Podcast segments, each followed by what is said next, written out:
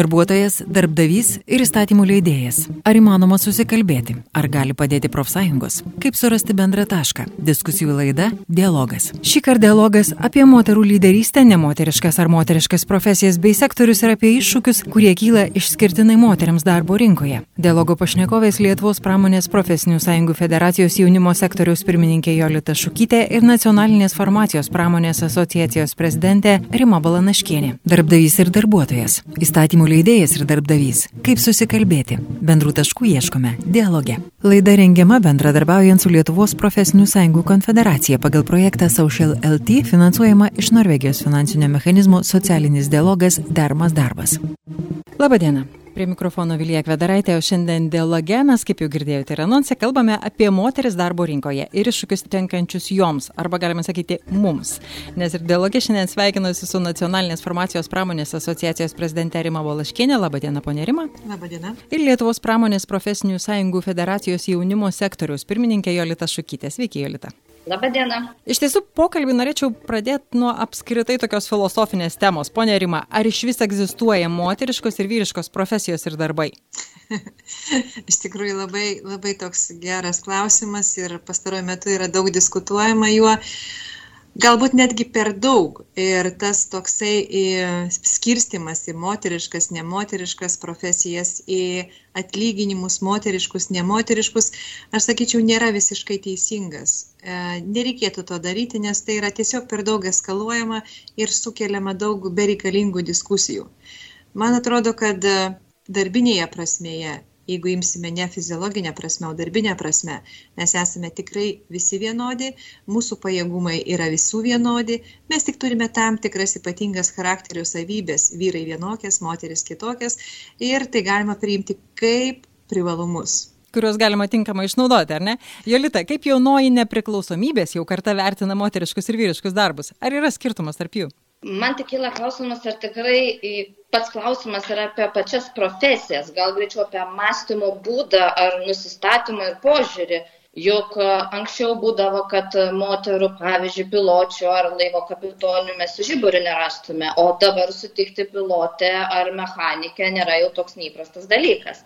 Ir pasaulyje šiandien ir nemažai tų puikių moterų, novatorių, bet visuma tai gal, sakyčiau, vis dar tokia niūri, kai kuriems dar kyla bejonių dėl tų moterų įgalinimo veiksmų reikalingumo, apie tas profesijų nedalinimo reikalingumo, kad vis dar ta lyčių neligybė vis dėlto nu, egzistuoja ir kad vis dar moteris yra nepakankamai atstovaujamos atstovaujamos taip. Beje, apskritai kalbant apie e, net toj pačioj Europoje, labai skirtingai yra. Posovietinės šalis, tokios kaip Lietuva, yra iš tikrųjų kitokioje pozicijoje lyginant su, pavyzdžiui, Pietų Europą. Sovietinių laikotarpiu tas garsus šūkis buvo, ar ne, kad melžėjai gali valdyti valstybę, o moteris traktoristės ar ten geležinkelių statytojas buvo fotografuojamos garbės lentoms ir panašiai. Tuo metu Italijoje ir Ispanijoje mama namų šeimininkė buvo ir dažnai tebėra ir dabar visiška norma. Tad išeities taškai yra labai skirtingi, bet tai nereiškia, reiškia, kad pas mus, pavyzdžiui, moteris darbo rinkoje priimamos ir vertinamos vienodai su vyrais. Pavyzdžiui, apmokėjimo skirtumai jiems dar dideli ir panašiai. E, pone Rima, kaip Jūs manot? Na, jeigu aš kalbėčiau apie mūsų sektorių, tai yra farmacijos sektorių, to skirtumo tikrai nėra. Ir jeigu apskritai sveikatos visoje sistemoje, tai kaip žinote, kad moterų yra žymiai daugiau negu vyrų tiek gydytojų medicinos srityje, tiek farmacijos srityje, na, nuėję į vaistinę ir jeigu jūs ten pamatote vyrą vaistininką, tai kartais net, taip net įdomu pasidaro, kaip čia dabar vyras dirba vaistininku, ne? nes jau mums tarsi galvoje yra ir mintise, kad vaistininkas tai yra lygų vaistininkė. Tas pats kaip ir gydytojai, jeigu mes pažiūrėsime Europos pasaulio šalis, ten gydytojai daugiausiai yra vyrai, kadangi tai yra be galo sunki profesija. Pas mus yra daugiausia moteris, moteriška profesija. Uh, Na, e, jeigu žiūrėti iš tos pusės, e, kaip gerbiama Jolita sakė, kad e, galbūt reikėtų kalbėti apie charakterio ypatybės ir kur gali būti privalumai, aš manau, kad moteris turi kelias tas ypatybės ir savybės charakterio, kurios jums ypatingai praverčia tiek darbę, tiek, sakykime, jeigu apie verslą kalbėsime. Tai pirmiausia yra intuicija moteris gamtos yra apdovanota intuicija. Mes galime įvairiai vadinti septintas, šeštas, aštuntas jausmas ar kaip norime, bet moteris taip gali pasinaudoti gerąją prasme.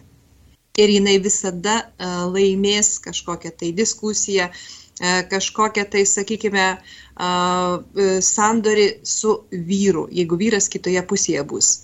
Jis gali pasinaudoti, nes vyras dažniau eina taip tiesiai šviesiai, moteris, jinai gražiai, jinai moteris gali padaryti du žingsnius atgal, atsitraukti, bet paskui jinai tris žingsnius padarys į priekį. Vyrams tai dažniausiai būna sudėtinga, nebent vyrai yra šokėjai. Mhm. Ir dar visavybės tai yra, moterų yra globalus požiūris ir rūpestis. Tiesiog mus gamta tuo apdovanojo ir reikia tom savybėm pasinaudoti. Iš tiesų tai, ką jūs kalbat, bet vis tiek mes prieinam prie to, kad, na, ne, kad yra tos moteriškos profesijos, ar ne? Gydytojas, vaistininkės. Jeigu paimsim dar prieisim prie mokytojas arba darželio auklėtojas, na tai ten apskritai vyras yra tokia iškasena, sakyčiau, visiška retenybė, kuria beje, pamatė paprastai visi labai džiaugiasi. Visi vaikai džiaugiasi vyrų mokytojų, darželiuose labai džiaugiamasi auklėtojas, jeigu toks pasitaiko. Tai iš tikrųjų labai reikalingi tie vyrai. Taip, Jolita. Aš labai gerą temą palėtėt apie atotrukį tarp vyrų ir moterų.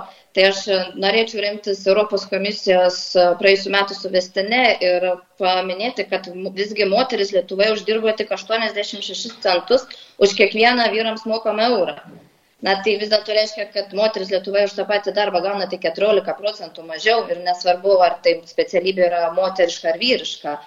Man kaip profesinių sąjungų atstoviai, tai norisi paminėti, kad moterų ir vyrų vienodas darbo užmokestis yra vienas iš lyčių lygybės kertinių akmenų ir kartu susijęs su lyčio atotrukio panaikinimu. Taip pat e, dar norėčiau paminėti, kad Europos komisija pirmą kartą pradėjo skatinti darbo užmokesčių skaidrumą, tą vadinamą Pay Transparency direktyvą dar 2014 metais kas buvo kaip rekomendacija labiau, kuri paskatina ES valstybės suteikti darbuotojams teisę reikalauti informacijos apie darbo užmokesčio lygį ir užtikrinti, kad įmonės nu, tiesiog reguliariai teiktų ataskaitas apie tas mokamus atlygius.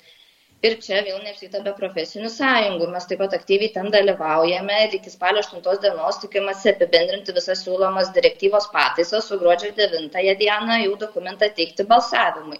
O ko mes siekiame? Na tiesiog, kad norime, kad pateikti pakeitimai pagaliau leistų prasmingai vertinti daugiausia moterų atliekamus darbus ir tikrąją jų vertę. Iš tikrųjų, tai ne vien tik tai atlyginimai. Viena yra atlyginimai, kita apskritai, kaip, mot, e, na, kaip moterys įsileidžiamos į tam tikras galbūt sritis. Pavyzdžiui, Lietuvos biržos esančių bendrovių valdybose moterys sudaro apie 14 procentų.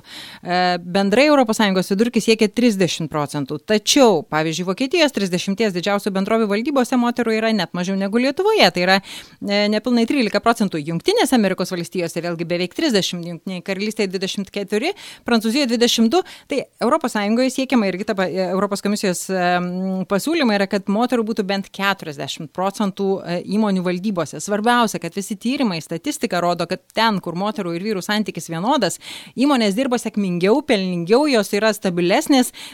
Na, tiesiog turbūt natūralu, pusė pasaulio gyventojų yra moteris kodėl jų neturėtų būti visur vienodai atstovaujama, ar ne? Pone Rima, kodėl tokie skirtumai, kaip jie susiklosti? Aš nekalbu apie dar kitą pasaulį, kur apskritai, na, į Afganistaną, jeigu pasižiūrėsim šiom dienom, ar ne? Tai čia vėl visiškai kita istorija, bet netgi čia, civilizuotose vakarų šalyse. Iš tikrųjų, mums turbūt jo nereikia žiūrėti tas kitas, na, kitų religijų, sakykime, šalis, tai yra tam tikros tradicijos, jos visos turi būti gerbiamos ir toje šalyje gyventi žmonės turbūt turi jų laikytis ir taip toliau. Mes gyvename kitame pasaulyje, džiaugiamės, mes moteris džiaugiamės, kad tam pasaulyje gyvenam ir tikrai mes turim tas galimybės. Uh, žinote, uh, aš taip irgi pasi, pasižiūrėjau, kad patys didžiausi mūsų, sakykime, koncernai, holdingai Lietuvos, pačios didžiausios įmonės savo valdybose ir savo direktorių valdybose, tarybose didžiąją daugumą turi moterų. Nors akcininkai dažniausiai būna vyrai. Vyrai suprato, kad moteris yra be galo darbščios, yra be galo atsakingos ir be galo kruopšiai vykdančios savo pareigas. Ir joms galima užkrauti visus darbus. joms tikrai galima užkrauti visus darbus ir jeigu pažiūrėsime, sakykime, valstybinės, na, biudžetinės įstaigas, tai tengi daugiausia kaip yra. Yra moteris dirbančios, ta prasme, tą, pavadinkime, na, kabutėse, juodą darbą.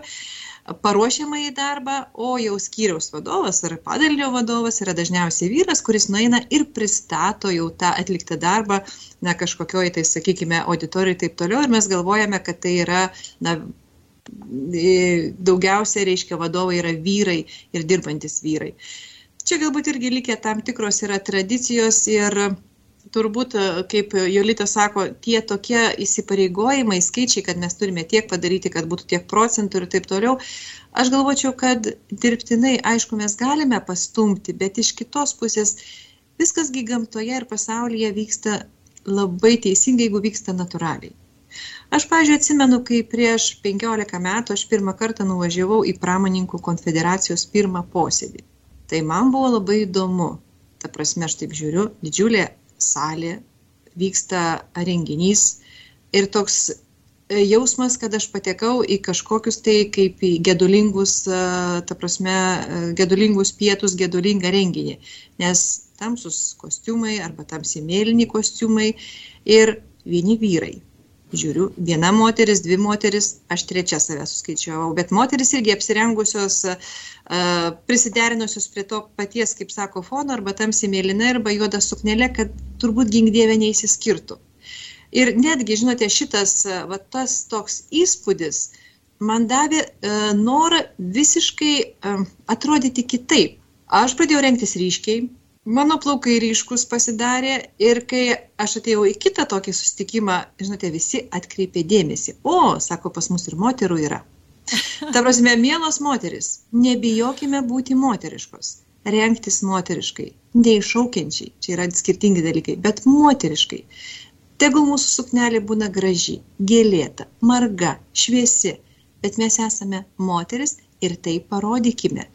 Ir šiai dienai, jeigu mes nueisime į bet kurią pramoninkų konfederacijos, e, ta prasme, bet kurį renginį, tai mes pamatysime, kad ten moterų yra žymiai daugiau ir jos visos ryškios, gražios ir atkreipiančios dėmesį. Ir visa tai vyksta natūraliai pamažu, natūraliai taip, bet iš tikrųjų kartais tas stumtelėjimas jisai vis dėlto padeda. Bet, bet iš tikrųjų, e, moterys vadovės, politikės, e, ką tik išrinktas Islandijos parlamentas vos netapo pirmuoju, kur dauguma sudaro moteris. Tai pagal lutinio skaičiavimo liko ten 48 procentai, bet vis tiek tai yra įspūdingi skaičiai.